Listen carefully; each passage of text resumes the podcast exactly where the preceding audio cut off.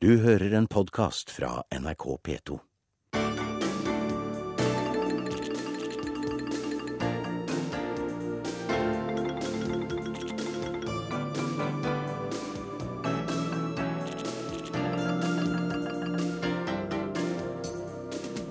Overraskende fred og forsoning mellom Israel og Tyrkia med god hjelp fra president Obama. Men i Jemen tar dronene til den samme Obama uskyldige liv.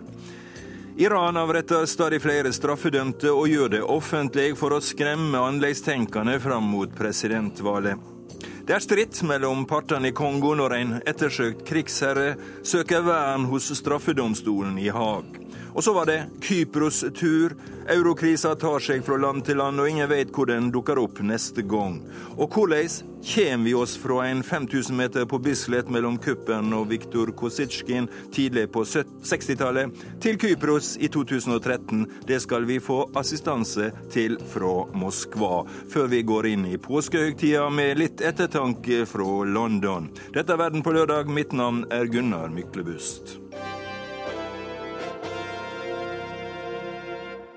Først om Midtøsten-besøket til Barack Obama, som blir avslutta med litt turisme i Jordan i dag. Det meste av tida brukte USAs president i Israel, og det var mye nedtoning av forventninger på å føre han. Men så greier Obama å mekle fred og få gjenopprette det diplomatiske sambandet mellom Israel og Tyrkia. Det var vel overraskende, korrespondent Sigurd Falkenberg Mikkelsen i Jerusalem? Ja, det var eh, overraskende. Det skjedde jo også på et uh, ganske dramatisk vis. Eh, det var en telefonsamtale som ble foretatt, så vidt jeg forstår, på flyplassen Ben Gurion i Tel Aviv like før Obamas avreise til Jordan.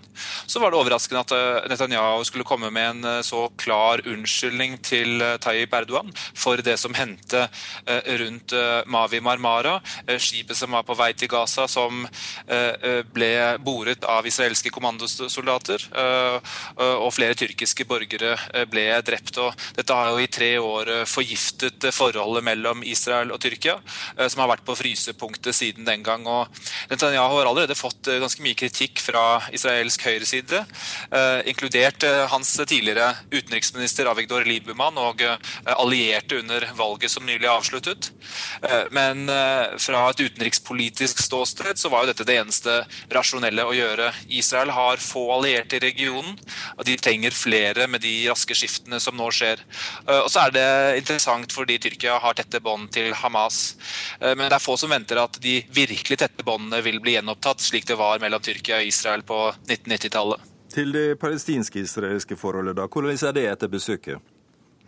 Nei, Det står på stedet hvil, uh, uten at det vil si at det ikke skjer noe. Uh, det ble gitt svært mange byggetillatelser uh, på den okkuperte Vestbredden i fjor, og det ble ikke tatt noen konkrete skritt for å stanse dette.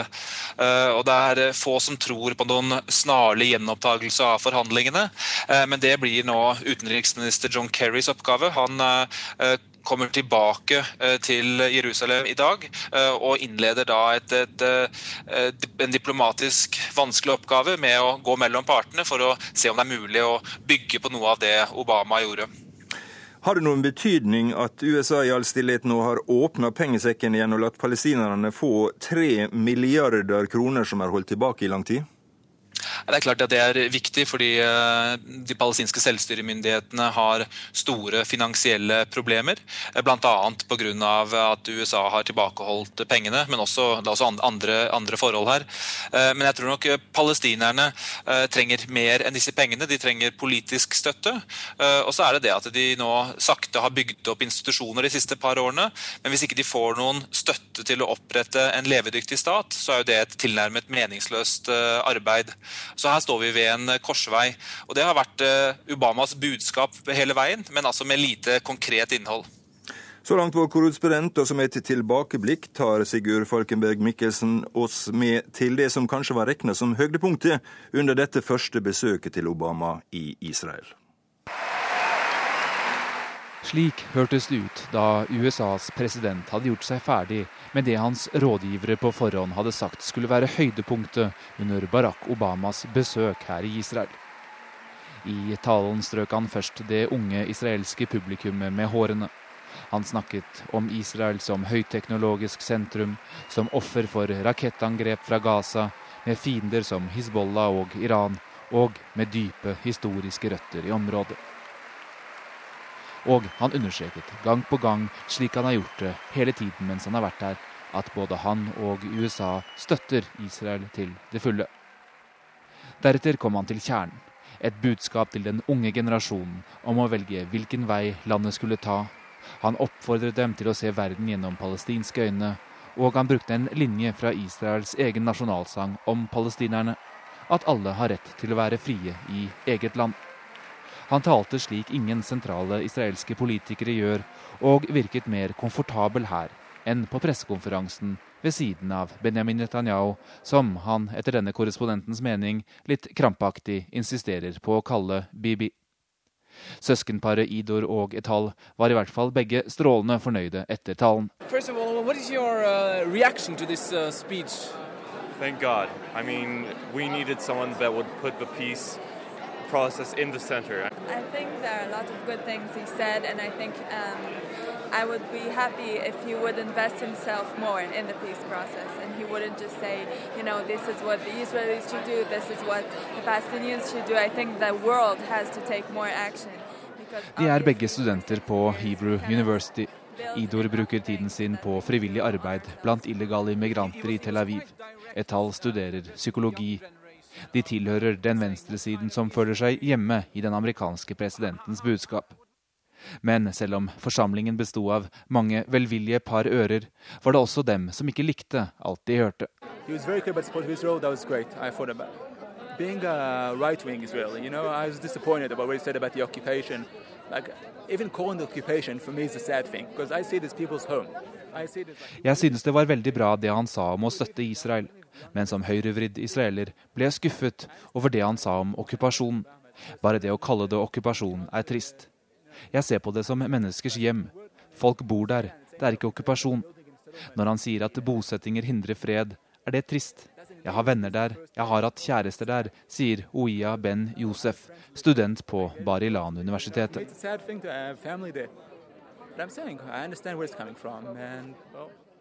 Og mange med samme mening som ham sitter i den israelske regjeringen. Så det store spørsmålet er hvor mye som er igjen etter Obamas tale, nå som han har forlatt landet. Om noe kommer til å forandres i virkeligheten. For når alt kommer til alt, det har vært holdt mange taler, og vært mange som har trodd seg profeter her i Jerusalem. President Obama er altså nå i Jordan, der han har lova milliardhjelp til å møte flyktningstrømmen fra Syria. Tallet på syriske flyktninger i nabolandet har alt passert en million, og det er venta at nye hundre tusen vil komme. Men situasjonen er enda vanskeligere inne i Syria, der minst like mange er på flukt fra heimene sine, med det enorme hjelpebehovet som det har ført med seg. Kollega Sissel Wold, du er i Nord-Syria, der opprørshæren har kontroll. Hvordan vil du beskrive situasjonen der? Ja, Det er trøstesløst, det er fortvilet. Det er rundt én million eh, syriske flyktninger inne i eget land. Eh, mange av dem bor i telt, de fleste. Men folk bor også i lastebiler. Eh, de bor i hus som andre har rømt fra. Og de bor i halvferdige hus. Om kvelden her så ser vi at folk sitter rundt bål. Eh, det er jo ikke strøm her. To timer om dagen er det strøm, men ellers så lager jo folk mat på bål og på parafinapparat. Her jeg er, i Idlib-distriktet, så er det jo nesten ingen hjelpeorganisasjoner. Eh, det er folk som tør å jobbe her. Sånn at eh, folk lever fra, fra dag til dag. Og fordi det ikke er strøm, så kan ikke folk ta oppbevare mat. De spiser mye tørrmat og hermetikk og, og mye brød. Eh, ellers så er jo livet ikke normalt, selvfølgelig. Butikkene er ikke åpne, det er ingen jobber å gå til. Sånn at dette er jo et samfunn som ikke eh, fungerer normalt i det hele tatt. Den nyvalgte såkalte statsministeren for opprørerne, han Gassan Hitto, han eh, sier at han vil samordne nødhjelpsarbeidet. Vil det ha noen betydning i det hele tatt? Ja, det er jo veldig vanskelig å samordne ting når det ikke er eh, mobildekning f.eks. Her kommuniserer folk eh, litt med walkietalkie, de som har det. Eh, I dag så skulle vi finne én person, og vi brukte en og en halv time fordi vi måtte spørre oss frem gate for gate hus eh, for hus. fordi at man kan jo ikke ringe folk, man må oppsøke dem. Så det å organisere noe her, det er ikke lett. Eh, man prøver også uh, fra den frie syriske hæren, de som prøver å organisere samfunnet her, prøver å, å samle koner f.eks., sånn som staten gjorde før. Så er det ikke noe stat, men heller det er ikke lett når man ikke får tak i folk og ikke kan, kan kommunisere med folk på vanlig måte. Vi hører jo at satellittelefon til og med har, er det vanskelig å kommunisere på. Men bare til slutt, merker du noe til krigshandlingene? Ja, vi hørte mange drønn i går fra bombing rundt omkring. Eh, ikke i nærheten der jeg var, men du hører jo drønnene veldig godt. Og vi hørte fly i morges. Så at folk er jo redde hele tiden. Men det er også viktig å gi folk mat her i landet, sånn at ikke flere rømmer ut og blir værende i flyktningleirer i år etter år.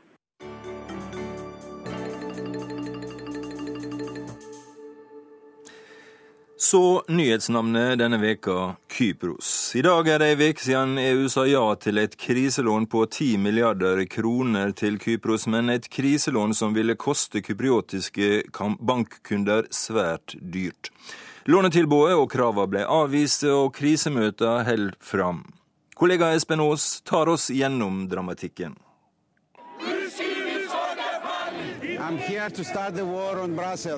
Hvordan reagerer du hvis noen låser inn sparepengene dine og nekter deg å få dem tilbake?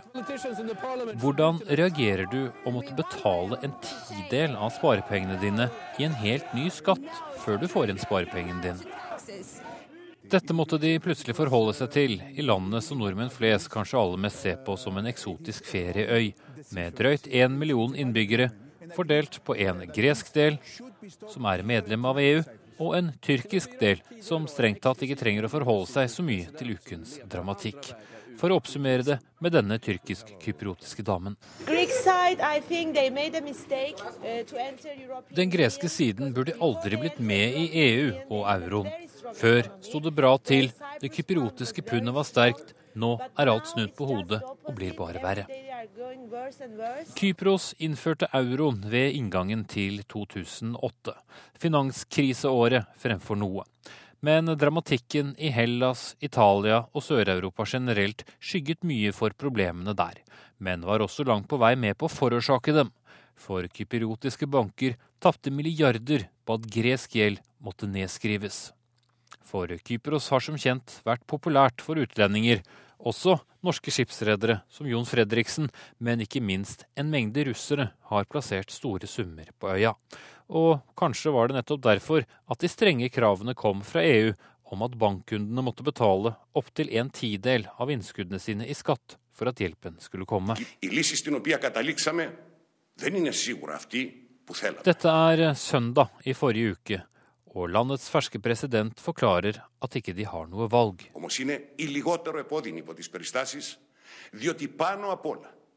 Vi er i en unntakstilstand, sa presidenten i en TV-sendt tale. Dette er vår verste krise siden 1974, og han poengterte at landet måtte gjøre som EU sa. I det lille øylandet med en sentralbanksjef som likså godt heter Panikos til fornavn. Men folk var ikke like begeistret for ideen som presidenten, og presset hardt på sine folkevalgte. Tirsdag ettermiddag samlet det lille parlamentet på 56 medlemmer seg, men etter drøye to timers debatt var det avstemning. Parlamentets leder kunne raskt oppsummere. Ingen hadde stemt for. 19 stemte blankt, resten stemte mot. Dermed sendte de redningspakken rett i fanget på EU igjen. Og landets banker ja, de står fortsatt like laglig til for konkurs. Og bankinnskuddene til folk de ble værende innelåst. I banker som var stengt. Minibanker ble også etter hvert stengt, én etter én. Og folk ble rett og slett oppfordret til å la dem være it's not so wise for any of, of, of the Cypriots to go and take the money from the banks. Det ble med andre ord et nytt kapittel i krisen. Krisemøtene de fortsetter. Nå selges ironisk nok en rekke bankfilialer til Hellas, hvor altså hovedårsaken til Kypros problemer lå i utgangspunktet. Filialene ligger i Hellas og blir nå greskeide. Alt for å dempe på den akutte pengekrisen som bankene og landet er inne i. Og bankene som sådan, ja de er nå fortsatt stengt. Kypriotene må bruke det de har av sedler og mynt for å få livet til å gå sin vante gang. Innen mandag må Kypros ha et kriselån på plass. Hvis ikke vil de se hvordan bankvesenet deres var satt sammen idet det faller sammen. Kalle Moen er professor i økonomi ved Universitetet i Oslo. Hva slags krise er dette? Er det bankkrise, eller er det eurokrise, er det nasjonal statsøkonomikrise? Hva slags krise er vi snakker om på Kypros? Altså, det er jo en gedigen krise i hele Europa som er statsfinansiell krise, og som er også en, en krise med at bankene er ikke solide nok om å endre sin eh, økonomiske tilpasning. På Kypros er det mer spesielt ved at eh, det er jo ikke et så veldig godt skattesystem på Kypros. så Det betyr at en ikke skattlegger sine innbyggere nok. De har jo en bakgrunn som et uh, skatteparadis, og det er vel fortsatt i noen grad det. Og Det betyr at uh, det er vanskelig for myndighetene på Kypros å redde bankene sjøl. De må reddes på en eller annen måte, og da er det ideen har kommet opp at de skal legge på en avgift på sparepengene til, til folk i, i, bankene. Ja, Det har jo altså nå parlamentet sagt nei til, men har jo, eh, var, det, var det egentlig så dum idé, da? Kanskje ikke direkte så veldig dum idé. Det er jo en måte å innføre en formuesskatt på. Eh, men en fikk nok ikke helt tak i de som hadde vært gratispassasjerer tidligere. For de har ikke satt pengene sine i eh, bankene i Kypros. Altså Det er ikke John Fredriksen du tar ved å pålegge bankene en avgift på innskudd i, bankene i Kypros. Eh, jeg tror det ikke var så velegnet. og Dessuten så sprer det en slags frykt. At det å bruke bankene er ikke helt trygt. Og den frykten den kan spre seg til hele EU. Eh, e For dette er jo en regulering fra EU sin side eller i samarbeid med EUs myndigheter. Så Derfor kan det spre seg til hele området at bankene ikke er trygge. og Det er det aller verste som kan skje i denne situasjonen nå. At, at folk ikke stoler på at bankene beholder intakt de formuene som er satt inn der. For da begynner folk trekker det ut, da er bankene ille å kjøre. Er, er eh, Kypros i dag i en situasjon der en helt tatt kan hjelpe seg sjøl? Er en helt avhengig av eh, utenlandsk innsats? Eh, det ser sånn ut at de er Nå er det sterke russiske interesser i Kypros. Russerne har har en egeninteresse i å reforhandle noen av vilkårene. Eh, som, det er lån fra Russland til eh, Kypros, og det er også russiske innskudd i, i bankene i Kypros. Det er vel kanskje en mulighet at, at den forbindelsen er noe som de prøver ut. Det er også noe pensjonsfond som har vært med i diskusjonen i Kypros, om de kan ta det. Men det siste virker som en, en dårlig nødløsning. Det som har gått igjen i hele Europa, er at det ikke er de samme som har tjent på finanskrisen forut for at det ble en krise for økonomien, som nå må bære kostnadene av det. Og Det er vel slik det føles også på protestene som har vært i forbindelse med krisen på Kypros. Ja, hva mener du? Det er ikke de samme? Det er ikke de samme. Noen, noen får fordeler av uh, forløpet til finanskrisen gjennom både spekulasjon, gjennom uh, nye finansielle produkter. Og noen må betale kostnadene når bankene holder på å gå over ende, når økonomien går dårlig. Og det er ikke de samme gruppene av, av folk. Det er ikke de samme gruppene nå som forsøker skattlegges, som tjente på de forløpet til finanskrisen. Det gjelder i Krypos, og det gjelder generelt i hele EU-området og i USA.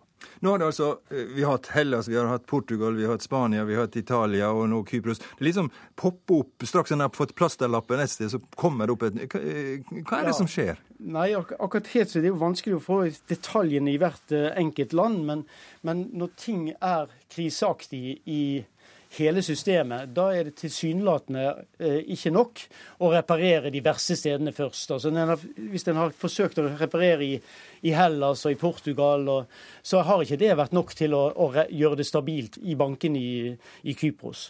Og eh, Det er vel slik at hver av de finansielle sektorene nasjonalt her har hatt problemer, og da må de repareres også nasjonalt. Det er ikke nok å ha internasjonale reparasjonstiltak. Eh, dere økonomene har jo, i hvert fall mange av dere, har sagt at det, det, euroen eh, kommer til å bli endra, eurosonen blir endra, dette er eh, dødsstøt osv. osv. Er det nå det kommer til å skje? Er Kypros det første landet som kommer til å gå ut? Det, det kan være, men jeg, jeg, tror ikke det, det, betyr så mye i Kypros som det gjør i Hellas eller for Hellas og andre land. Kypros har en veldig spesiell økonomi, veldig avhengig av turisme, veldig avhengig av å være hvert fall har en fortid som uh, skatteparadis. Og Jeg er ikke sikker på om, om det å skifte ut euroen der uh, betyr så mye. Det vil ikke løse krisen der, for å si det sånn. Men Vil det ha noen effekt for resten av sonen, da? Ja, det er klart Hvis det har en, en, effekt i den forstand at de viser et eksempel at her er det noen som det begynner å rakne et sted, så det er mer den indirekte virkningen av et eventuelt at, at Kypros går ut. Den indirekte virkningen på andre land tror jeg er større enn virkningen direkte for Kypros. Takk til professor Kalle Moen. Kypros har også gitt oss litt innsikt i hvordan nyrike russere plasserer pengene sine. 27 milliarder euro har de på øya. Russland har vært gjennom en enorm kapitalflukt fordi noen ønsker å vaske penger og slippe skatt. Hans-Wilhelm Steinfeld i Moskva har sendt oss dette.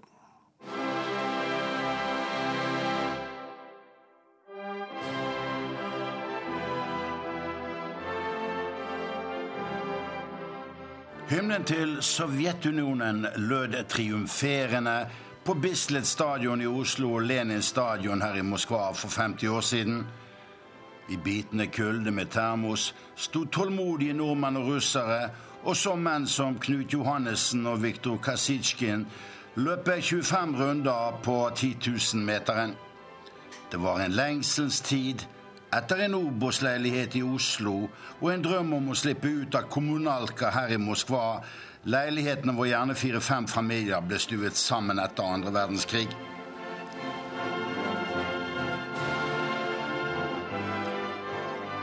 Men det var ingen lengsel tilbake til sovjettiden å spore hos statsminister Dmitrij Medvedev da han på mandag kommenterte Kypros idé om å konfiskere 10 av russernes bankinnskudd, i alt 2 milliarder euro, på Kypros, og han kommenterte det slik.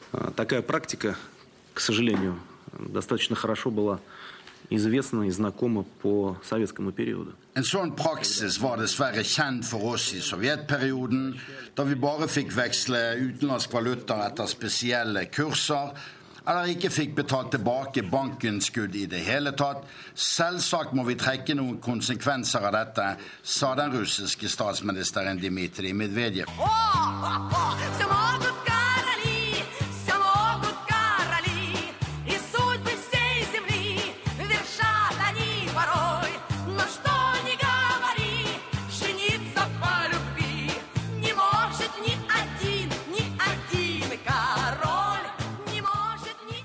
Kongene kan tillate seg alt, sang Sovjetunionens superstar à la Pugatsjova mot slutten av sovjettiden.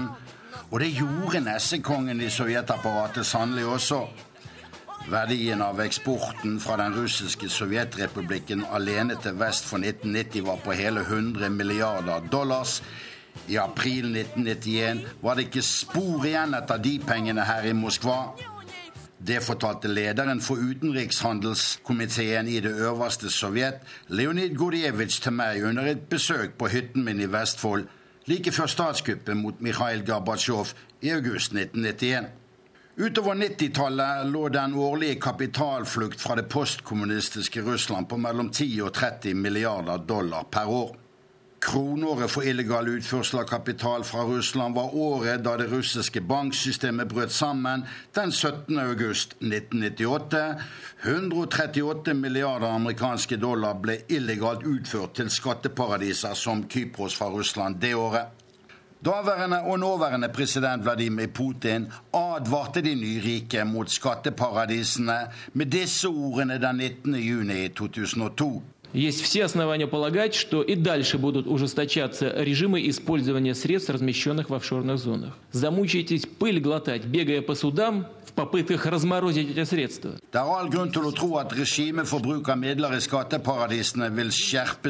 Er.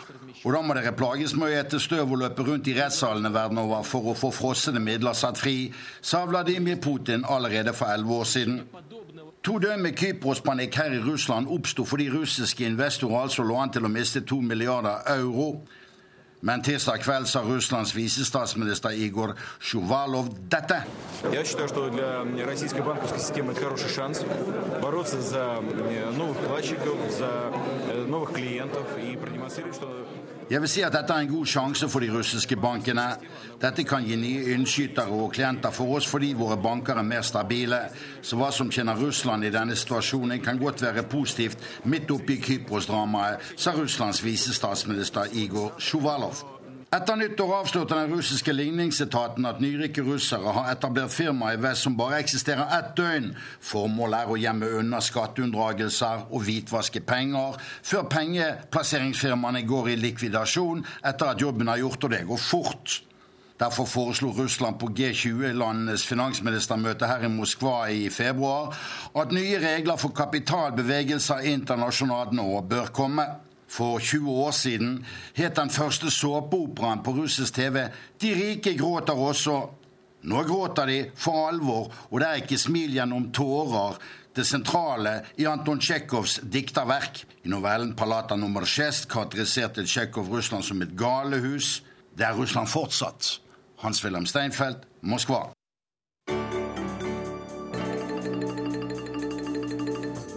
Klokka er 11.29, og du lytter til Verden på lørdag i NRK P2. Vi har forsøkt å skape litt mer forståelse rundt Kypros og eurokrisa, som stadig ruller og går, også i samband med det snakka om kapitalflukten fra Russland nettopp. Vi har markert avslutninga av Midtøsten-besøket til Barack Obama, og nådde på ei dårlig telefonlinje fram til vår utsendte i det humanitære kriseområdet i Syria.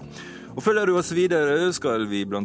til Kina og høre om norsk kultureksport, snakke om dronekrigen i Jemen og dødsstraffbruken i Iran, og lytte til noen påsketanker fra vår korrespondent i Storbritannia. Verden på lørdag er bare halvveis.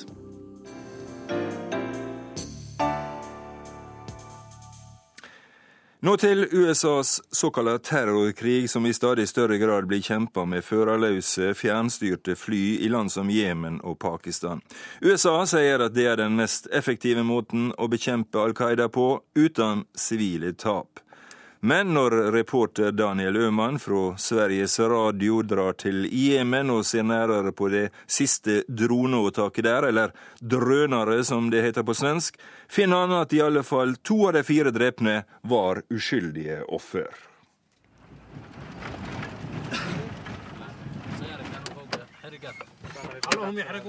Bilen vi färdas i bromsar in strax efter en vägspärr på en grusväg. En timmes bilfärd söder om Jemens huvudstad Sanaa. هذا أول صاروخ. This was the first missile. هذا أول صاروخ. På marken syns fyra hål. They, they, uh, put, uh, they hit them with the second rocket. Den 23 januari i år attackerade ett obemannat fjärrstyrt flygplan, en drönare, en bil som färdades här på vägen. The car turned over? أيوة yeah. This one, the third, fourth one, it turned the, the car over to that. Marken är fortfarande svart av aska. And how many people were in the car? كم كم بفوق säga Alla fyra män som satt i bilen sprängdes i bitar, berättar Khalil Lahib, släkting till en av de avlidna, och plockar upp tygremsor och små benbitar från marken. Det mesta tyder på att männen som USA var ute efter satt i baksätet på bilen. De hade fått lift av två män från en grannby. En 22-årig student som extra knäckte som taxichaufför och en 33-årig lärare. Då missilen träffar dem.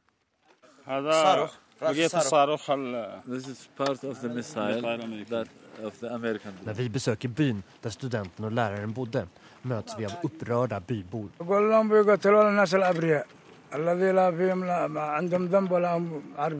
De døder uskyldige sivile. De har ikke rett til å døde mennesker på det settet, sier studentens pappa Hussein Ahmad Al-Kauli.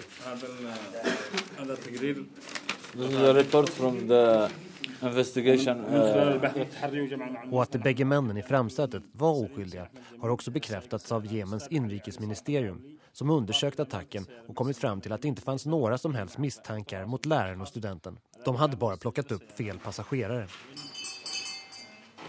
I byskolan träffar vi nioårige Ali, son till läraren som också dog i drönarattacken. Jag undrar hur jag och mina småsyskon ska klara oss utan pappa. Vem ska ge oss pengar? Och vem ska leka ta fatt med oss nu? Säger Ali medan han kämpar för att hålla tillbaka tårarna. I got so sad. Antalet amerikanska drönarattacker i Jemen har ökat kraftigt de senaste åren. Uppskattningsvis har över 300 människor dödats. Det är USAs president Barack Obama som bär det direkta ansvaret för drönarattackerna. Varje attack måste godkännas antingen av honom eller av CIA-chefen. Och drönarattacker är effektiva enligt John Brennan, nytillträdd CIA-chef. Här från ett föredrag från april förra året. Never before has there been a weapon that allows us to distinguish more effectively between an Al-Qaeda terrorist and innocent civilians. Aldrig förr har det funnits ett vapen som låter oss skilja mer effektivt på en Al-Qaida-medlem och en oskyldig civil, sa John Brennan och fortsatte. It's this surgical precision, the ability with laser-like focus to eliminate the cancerous tumor called an Al-Qaeda terrorist Med kirurgisk precision kan vi utrota den cancer som är Al-Qaida utan att skada vävnaden omkring. Vi ringer upp USAs försvarsdepartement, Pentagon, för att få veta hur president Obama resonerade när han valde att skjuta ner bilen trots att minst två oskyldiga civila befann sig i den. OSD Press Desk, Lieutenant Colonel Miller, may I help you? Wesley Miller är pressansvarig för Mellanöstern. Och han säger att han inte vill diskutera detaljer i enskilda attacker. Men What I will say that as a matter of policy, uh, in order to prevent terrorist attacks on the United States and to save American lives, the United States government conducts targeted strikes against specific Al Qaeda figures. Uh, but again, I'm not going to uh, discuss specifics of, uh, of any given strike.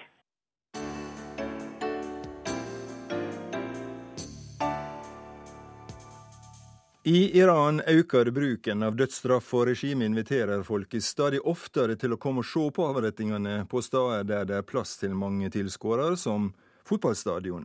I fjor var tallet på offentlige avrettinger seks ganger så stort som tre år tidligere, og trenden ser ut til å holde fram i år. I årets to første måneder er 20 mennesker hengte med publikum til stades i Iran. Ifølge menneskerettorganisasjonen Iran Human Rights, IHR, ble minst 580 mennesker avrettet i Iran i fjor. Og Mahmoud Amiri Mogadam, du er talsmann for IHR. Dere mener altså at det er store mørketall her, og at det reelle tallet er langt større? 580 det er det tallet vi har klart å bekrefte, enten gjennom offisielle kilder eller gjennom flere uavhengige kilder. Vi har i tillegg fått eh, over eh, 240 rapporter om henrettelser som eh, vi jobber med. Og, så må vi huske at i Iran er det ikke lov for eh, menneskerettighetsgrupper å uh, arbeide fritt. Og vi har ikke kilder i alle fengsler, i alle kanter av Iran. Og derfor tror vi det reelle tallet er langt høyere. Vi har klart å bekrefte såkalte hemmelige henrettelser i 15 iranske fengsler. Men det fins flere hundre fengsler i Iran. Hva slags forbrytelse er det som kvalifiserer til dødsstraff i Iran? Ifølge iranske lover så er eh, narkotikarelaterte forbrytelser eh, eh, som kvalifiserer til dødsstraff, og de fleste som henrettes i Iran, er offisielt tiltalt for narkotikarelaterte for, forbrytelser. I tillegg er det mord, voldtekt. Og så er det noe som heter moharebe, som betyr krig mot Gud. Og dette brukes gjerne om politiske eh, opposisjonelle. Men det er også store regionale skillnader. Hva, hva er grunnen til det? Altså, Vi må skille mellom offisielle eh, tall, eh, og det er noe som myndighetene styrer. Vi ser jo at eh, det er alltid større tall i hovedstaden, fordi det er der det er de største fengslene og flest fanger. Og så er det vi har klart å avdekke eh, et stort antall hemmelige henrettelser i, en, eh, i et fengsel i nordøst-Iran, Vakilabad. Eh, og det har å gjøre med våre kilder. Men de regionale forskjellene sier lite om hvor personer som henrettes, kommer fra. Men det viser litt om hvor myndighetene vil gjerne bruke dødsstraff. Fordi vi vet jo at eller vi mener at iranske myndigheter bruker dødsstraff som et instrument for å spre frykt blant befolkningen. Og de har større behov for å spre frykt i storbyer og i områder med etniske grupper. Og Det er kanskje også grunnen til at flere og flere henrettelser blir offentlige? Absolutt.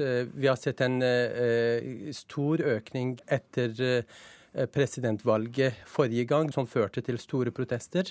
Og vi ser jo at eh, myndighetene gjør det de kan for å få flest mulig mennesker til å komme og se på disse henrettelsene. I tillegg så sender de bilder av henrettelsene over sine nyhetsbyråer. Og vi vet uh, veldig godt hva slags effekt det har på folket.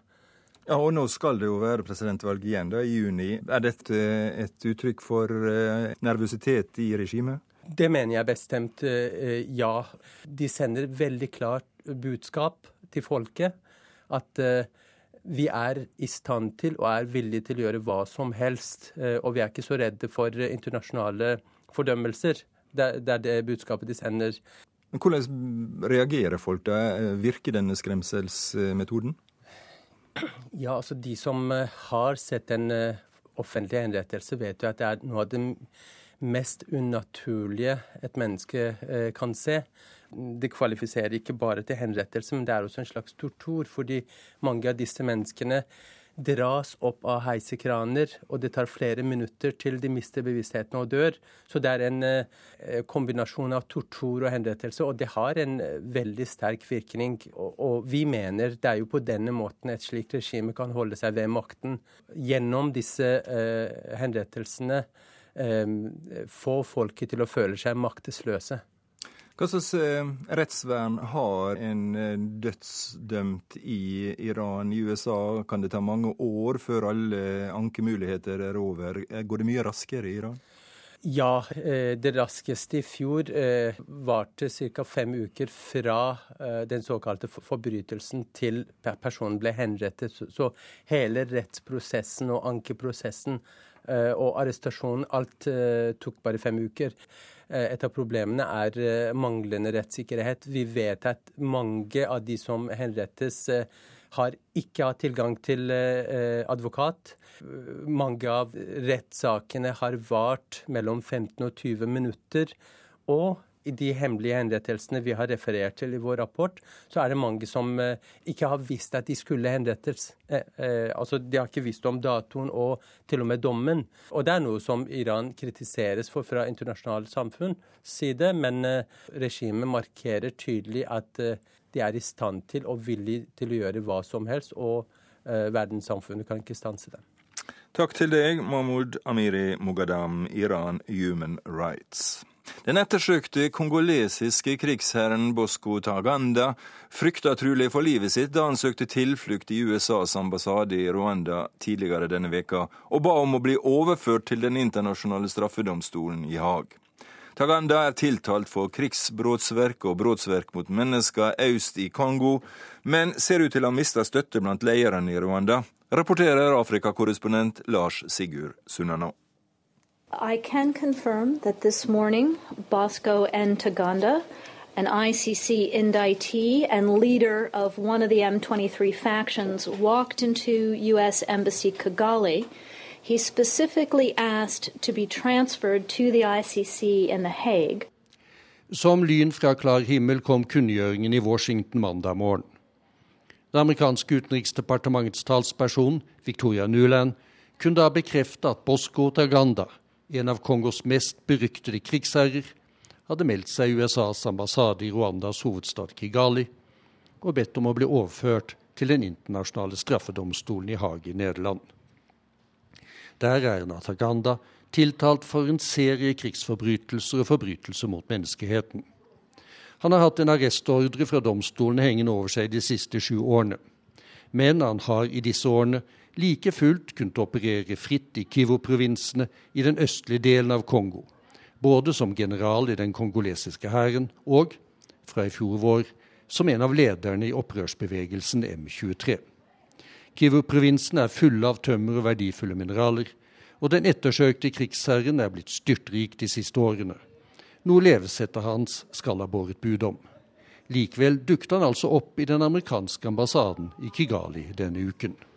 The choice of uh, surrendering from Bosco and Taganda uh, seems to be um, driven by the fact that he feared for his life, despite the fact that um, Det synes som om han valgte å overgi seg fordi han fryktet for å bli drept, sier Marc-André Lagrage, mangeårig Kongo-analytiker i organisasjonen International Crisis Group her i Nairobi.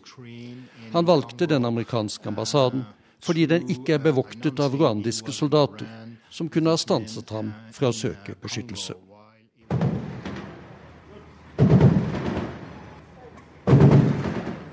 Bosco Nataganda kom etter alt å dømme over grensen til Rwanda i forrige uke og må ha lagt seg ut med sine tradisjonelle støttespillere på høyt plan i Kigali. I Kyovo hadde da vært harde kamper om et våpenlager nord for provinshovedstaden Goma, mellom to fraksjoner av opprørsbevegelsen M23. Den ene var ledet av M23s militære sjef Sultani Makenga. Den andre støttet Nataganda. Natagandas fraksjon tapte etter å ha sluppet opp for ammunisjon. Nå er det Makenga og hans geriljasoldater som kan kontrollere et stort og mineralrikt område i denne østlige delen av Kongo, og som vil bli forhandlingspartner når en ny fredsavtale for Øst-Kongo skal gjennomføres, etter at den ble vedtatt av elleve afrikanske land i Addis Abeba for en måned siden. Med Bosco Nathaganda på vei til Haag kan denne gjennomføringen bli enklere, men ikke nødvendigvis, påpeker Marc-André Lagrange. The surrender of Bosco Ntaganda is merely a change of warlord in the Kivu. Bosco Nathagandas overgivelse betyr bare et skifte av krigsherre i Kivu, sier han. Så lenge Makenga M23 fortsetter å være i den nordlige Kivu-provinsen, opprettholder Rwanda dermed sin indirekte kontroll over deler av den, og over den ulovlige gruvedriften der.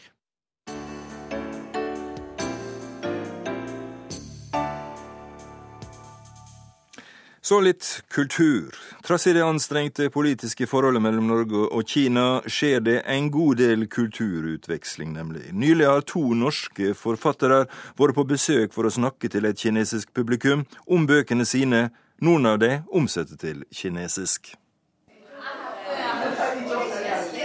Studenter i ivrig samtale før timen begynner.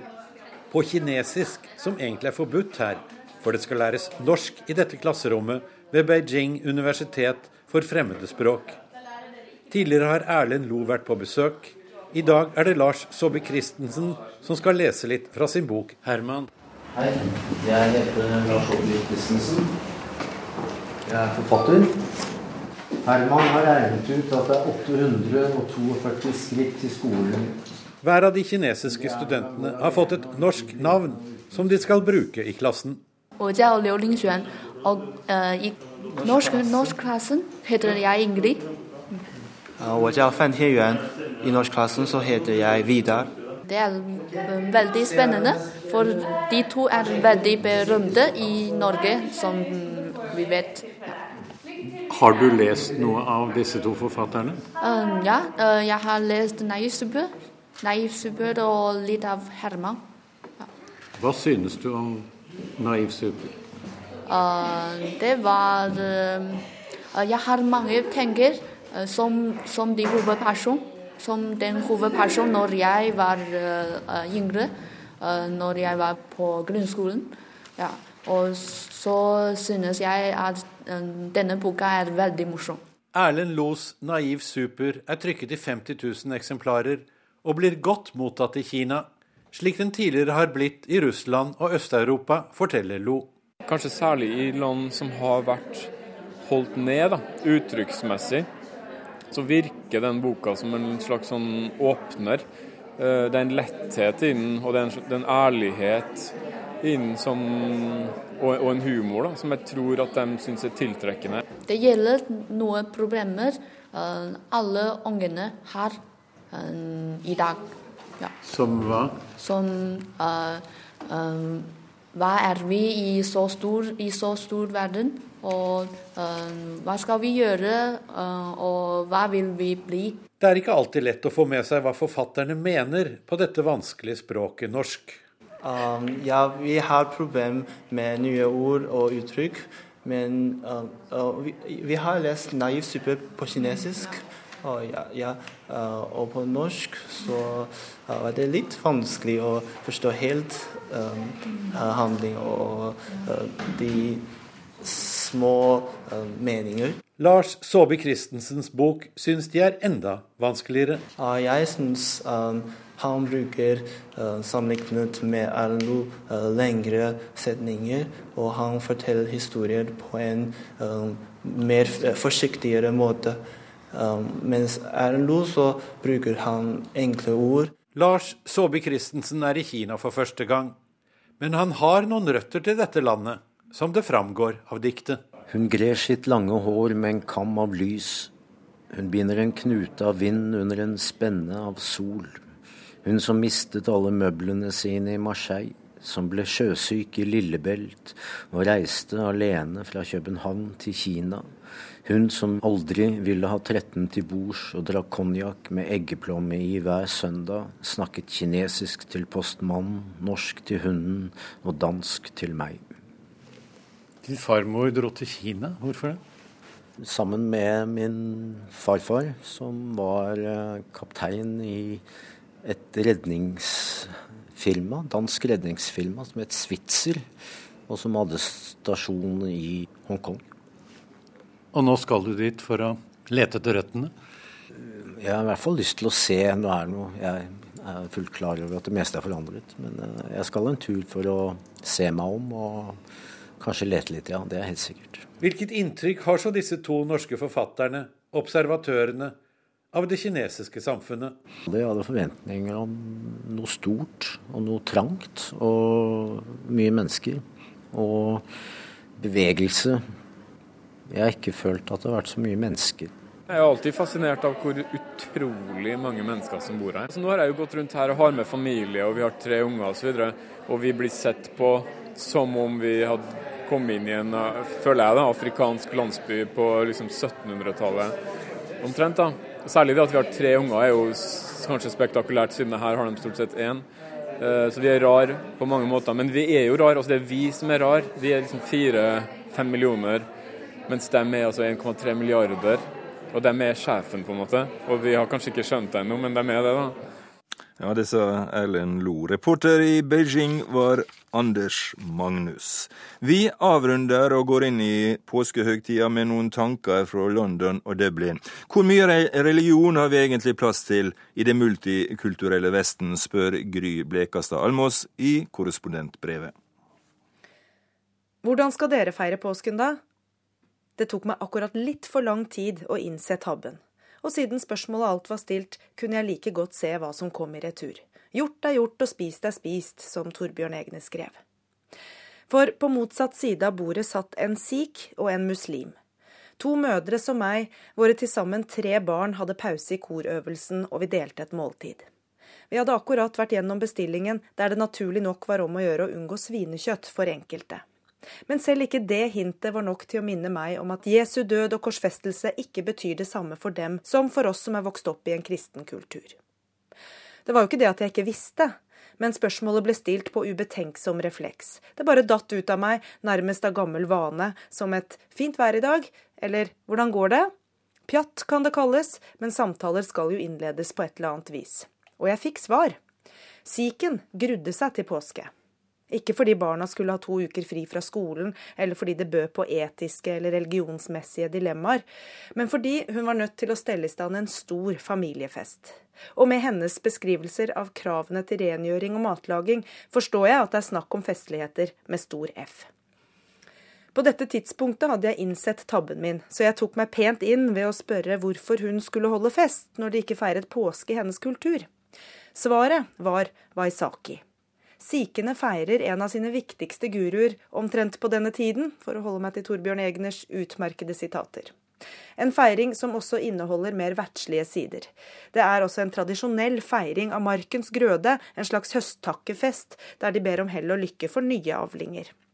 For hinduer markerer Waisaki inngangen til et nytt år, mens for buddhister kommer markeringen noe senere og er en feiring av nytt liv og oppvåkning. Det siste der lyder mistenkelig kjent, eller? Uansett, min indiske venninne venter altså storinnrykk av familiemedlemmer som forventer en heidundrende fest mot slutten av den britiske påskeferien, så hun har mer enn nok å fylle dagene med. Min afghanske venninne blir like opptatt, men trolig ferdig i løpet av denne helgen. Da feirer hun nemlig Norus, persisk nyttår. Et storstilt måltid for slekt og venner skal forberedes og være klart til inngangen av år 1392. Det er to ting som slår meg. Det ene er at det er utrolig praktisk at de ulike religionene har samkjørt ritualene sine på denne måten. For samtalen rundt bordet gikk slik samtaler ofte går. Man kjenner seg igjen i andres opplevelser og deler de samme bekymringene, frustrasjonene og gledene over hva som måtte komme i dagene framover. Tre kvinner fra tre ulike kulturer deler frustrasjonene over alt som må planlegges og utføres før høytiden. Vi deler gleden over å få tid med barn og utvidet familie i en festlig sammenheng. Og vi er alle tre bekymret for om vi klarer å leve opp til forventningene om at det skal være akkurat slik det pleier å være. Den riktige maten, de riktige tradisjonene som gjør denne høytiden til akkurat den spesielle. Det andre som slår meg, er at dumme spørsmål kan gi interessante svar. Gjort er gjort og spist er spist, og heretter skal alle være venner, fortsatte Torbjørn Egner. Og venner ble vi der i korpausen til barna. Omtrent samtidig med at vi tre mødre utviklet vårt bekjentskap, ble den nye paven innsatt i Roma og den nye erkebiskopen av Canterbury innsatt i London. To nye kirkelige ledere med henholdsvis 1,2 milliarder og 80 millioner medlemmer. De leder en stor hærskare av folk som kaller seg kristne, og har som oppgave å vise vei inn i en utfordrende framtid. For mange av dem som har bekjent seg til den kristne tro, være seg katolisisme, anglikanisme eller annen form for protestantisme, er i ferd med å vende religionen ryggen. I forbindelse med valg av ny pave reiste jeg til Irland, det mest katolske landet i Europa.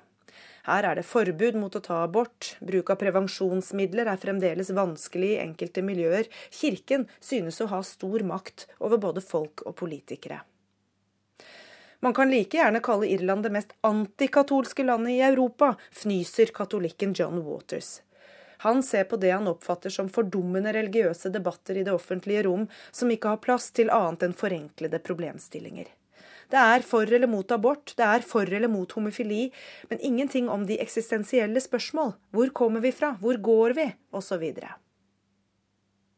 Han smiler litt av at irene i økende grad vender religionen ryggen. Det er mange år siden han selv gjorde akkurat den samme reisen. Vekk fra kirken, mot en frihet som ga ham en rekke erfaringer som etter hvert gjorde at han endte opp som troende katolikk. Men det er ingenting ved John Waters som minner om mitt indre bilde av en svært religiøs mann. Jeg møter stadig mine fordommer i døra, og det er alltid like godt å kunne kaste enda en av dem ut. Forfatteren har en rufsete stil med langt hår som begynner å bli tynt på toppen, og skjegg som nylig er blitt grått. Hele framtoningen hans oser levd liv. Han har bakgrunn som Melodi Grand Prix-komponist i den internasjonale finalen i 2007, der han ble aller sist med bare fem poeng. Her passer han på å minne om at Norge ikke engang kom til finalen det året. Men Waters er kanskje mest kjent i Irland for å ha fått barn med artisten Sinead O'Connor. Farskapet har gjort ham til Irlands mest fremstående forkjemper for alenefedres rettigheter. Han er eksalkoholikeren som prediker den katolske lære, bl.a. i bokform. Hans neste bok har arbeidstittel 'Jesus Has Left the Building'. Det selger langt bedre enn 'Religionen forsvinner fra våre liv'. Men det er nettopp det som er bekymringen hans. At vi mister det aller viktigste i livene våre når vi fornekter religionen. Han sier i Irland blir katolisismen som hullet i smulteringen. I multikulturalismens navn tolererer og hedrer vi alle andre kulturer og religioner, men overser vår egen. Når muslimer kommer hit, feirer vi deres høytider. Det samme med protestantene. Samtidig demper vi det katolske. De katolske skolene her i landet lærer barna å tolerere i alle retninger, uten å innse at vi selv ikke lenger har noe igjen som andre kan tolerere. Dette er paradokset ved et multikulturelt samfunn. Vertsnasjonen er selvutslettende. Man fornekter ikke bare religiøs tro, men også nasjonal tro og identitet, alt det som gjør oss unike. Multikulturalisme skal være integrering av alle på lik linje, men hvis det ikke er plass til vertsnasjonens kultur, går alt i oppløsning sier John Waters, nyreligiøs anarkist som blir oppfattet som konservativ fundamentalist. Justin Welby oppfyller heller ikke fordommene. Den nye erkebiskopen i den anglikanske kirke er tidligere oljedirektør med utdanning fra Eton og Cambridge. Fembarnsfaren ga opp sin sekssifrede lønn, og her snakker vi sekssifre i pund sterling, for 25 år siden for å bli prest. Under innsettelsen torsdag viste han nye takter ved å tillate en kvinnelig prest å stå for seremonien. Det var også musikalsk fornyelse. Afrikanske dansere, indisk punjabi-musikk og orgelimprovisasjon vitner om at den tidligere oljedirektøren har planer om å fornye den anglikanske kirke. Men fornyelse er ikke like populært i alle kretser. Følgende scene, vist på BBC nylig, vakte voldsomme reaksjoner.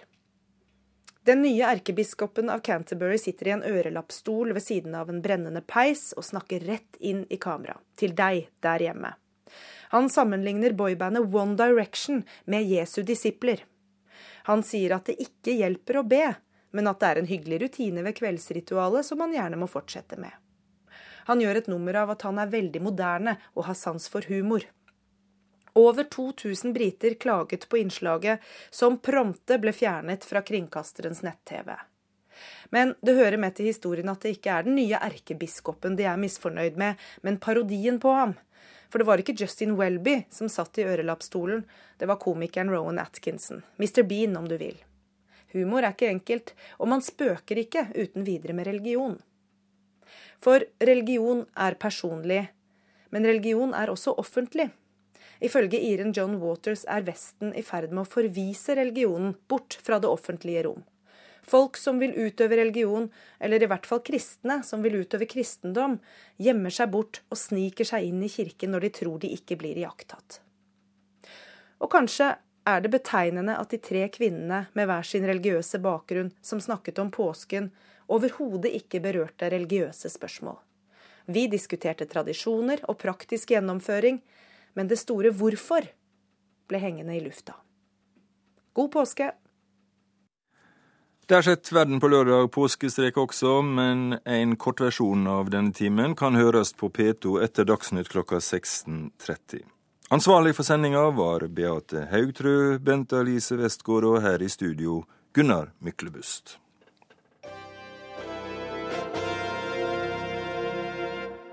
Du har hørt en podkast fra NRK P2.